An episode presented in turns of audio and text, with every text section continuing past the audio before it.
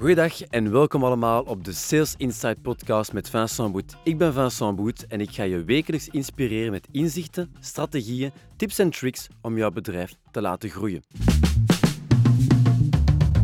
Welkom allemaal op de Sales Insight podcast met Vincent Boet. Deze week gaan we verder borduren op de inzichten van vorige week. We hadden het over hoe dat je de urgentie van een deal kunt verhogen zonder pushy te zijn. En ik hoop dat je het hebt toegepast en ik ga je deze week nog extra huiswerk geven. Ik ga je deze week de inzichten meedelen om ervoor te zorgen dat je de urgentie kan verhogen bij B2B-verkoop of bij particuliere verkoop door heel concrete zaken te kunnen gaan toepassen. Zoals ik zei vorige week, ja, is er niks zo frustrerend als een heel goed gesprek hebben met mensen waar je helemaal de mensen kan verder helpen. Je weet de klant of de prospect op een lange termijn gaat kunnen helpen, maar jammer genoeg blijft het bij een leuke babbel en is er eigenlijk ja, niks gebeurd. Of zeg je van ja, u mag mij later een keer contacteren. Of erger nog, de klant zegt van ik u wil contacteren wanneer ik er klaar voor ben. Heel frustrerend, ja, wanneer juist ja, best wel wat mensen uh, zullen het ook ervaren dat het dan uiteindelijk ook niks wordt. Dus wat kan jij concreet doen om die urgentie te creëren, zonder niet pushy zijn, maar door intrinsiek de motivatie bij je potentiële klant te vergroten. Ah, daar gaan we het deze week over hebben. Ik heb wat manieren mee om u te helpen om dat te kunnen realiseren. Om ervoor te zorgen dat dus de urgentie stijgt bij de klant en dat de, de deal sneller geclosed kan worden. Een van de manieren hiervoor is werken met een beperkt aanbod. Als je een product lanceert of je hebt een bepaalde dienst dat ja, wat een novelty is, dat iets wat nieuw is, dan kan je ervoor kiezen om een soort limited edition te lanceren. Een beperkt aanbod in tijd of in aantal, een beperkte oplage van producten bijvoorbeeld ook. Of dat je je dienst maar tegen een select aantal mensen kunt aanbieden.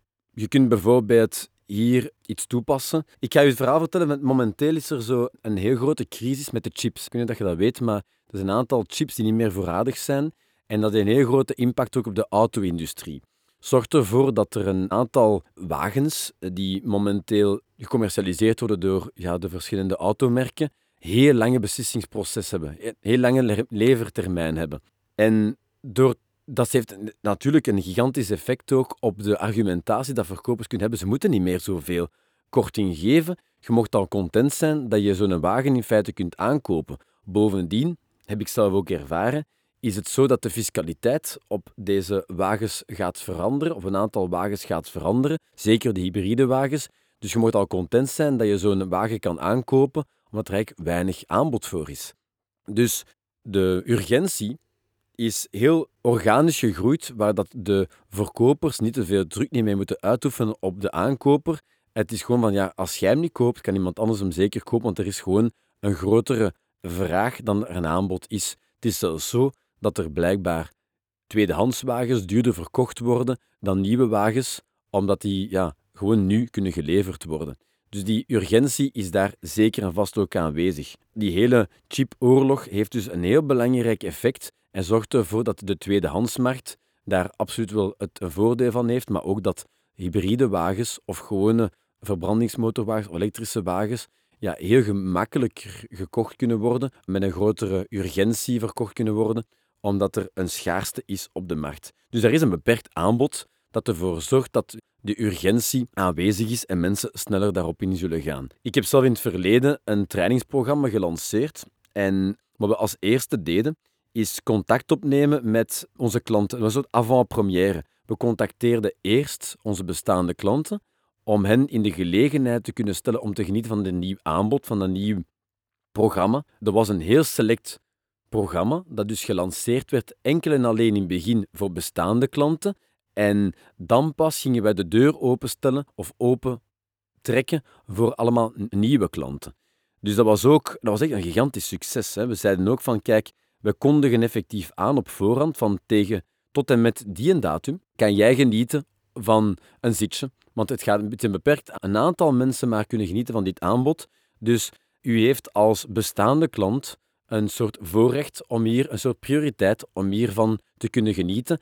En vanaf die datum zouden we het openstellen voor andere klanten, ook voor niet-klanten. En dat heeft ervoor gezorgd dat er gigantisch veel tickets verkocht werden, ook van dat seminar, omdat de klanten effectief inzagen van ja, het heeft gigantisch succes gehad omdat het beperkt is in aantal zitjes, maar ook beperkt ook in tijd. Dus de mensen waren dan ook meer gemotiveerd om erop in te gaan. En hoe kun jij dat zelf ook toepassen binnen je organisatie? Ik geef je de opdracht om dat te vertalen naar jouw eigen business. Maar ik kan je alvast inspireren met een aantal voorbeelden die ik voorbereid heb. Nummer 1. Dit ziet eruit als een geweldige fit voor onze organisatie, maar ook voor u. En zoals je weet is een beperkt aanbod, wat betekent dat er slechts 10 bedrijven kunnen genieten van dit aanbod.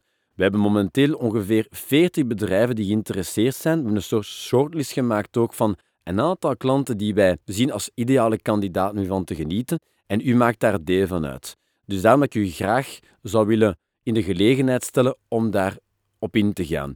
En ik kan deze uw plaats u eigenlijk maar reserveren tot en met datum X. Dus ik zou graag, als je erbij wilt zijn, een antwoord hebben tegen datum Y.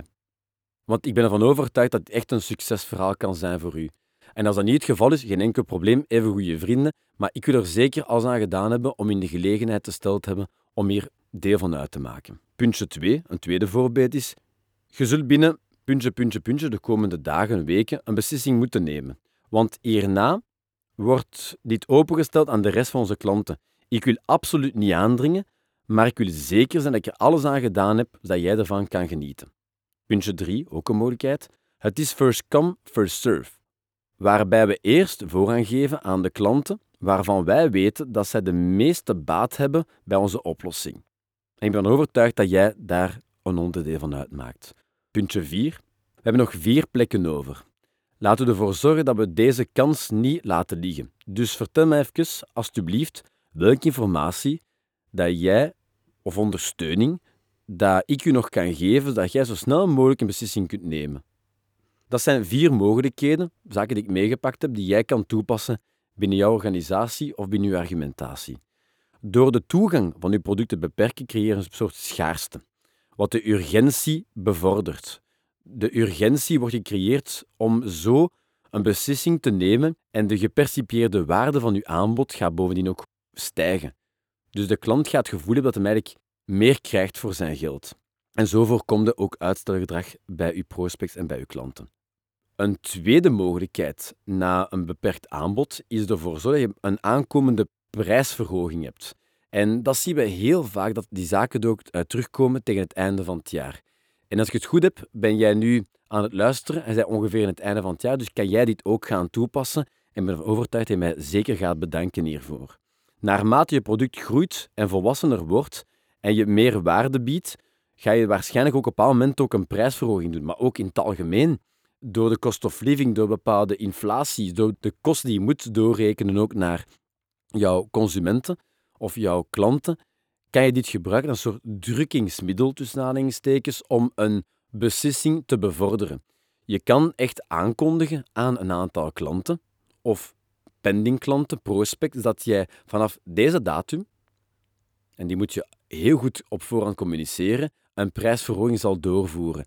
En jij hebt dus een gelegenheid, je hebt een aanleiding als verkoper om de klant op te volgen en er alles aan te doen om hen te overtuigen om alsnog klant te worden. Want anders zullen ze daarna kunnen genieten van een aanbod, absoluut wel, maar tegen andere tarieven.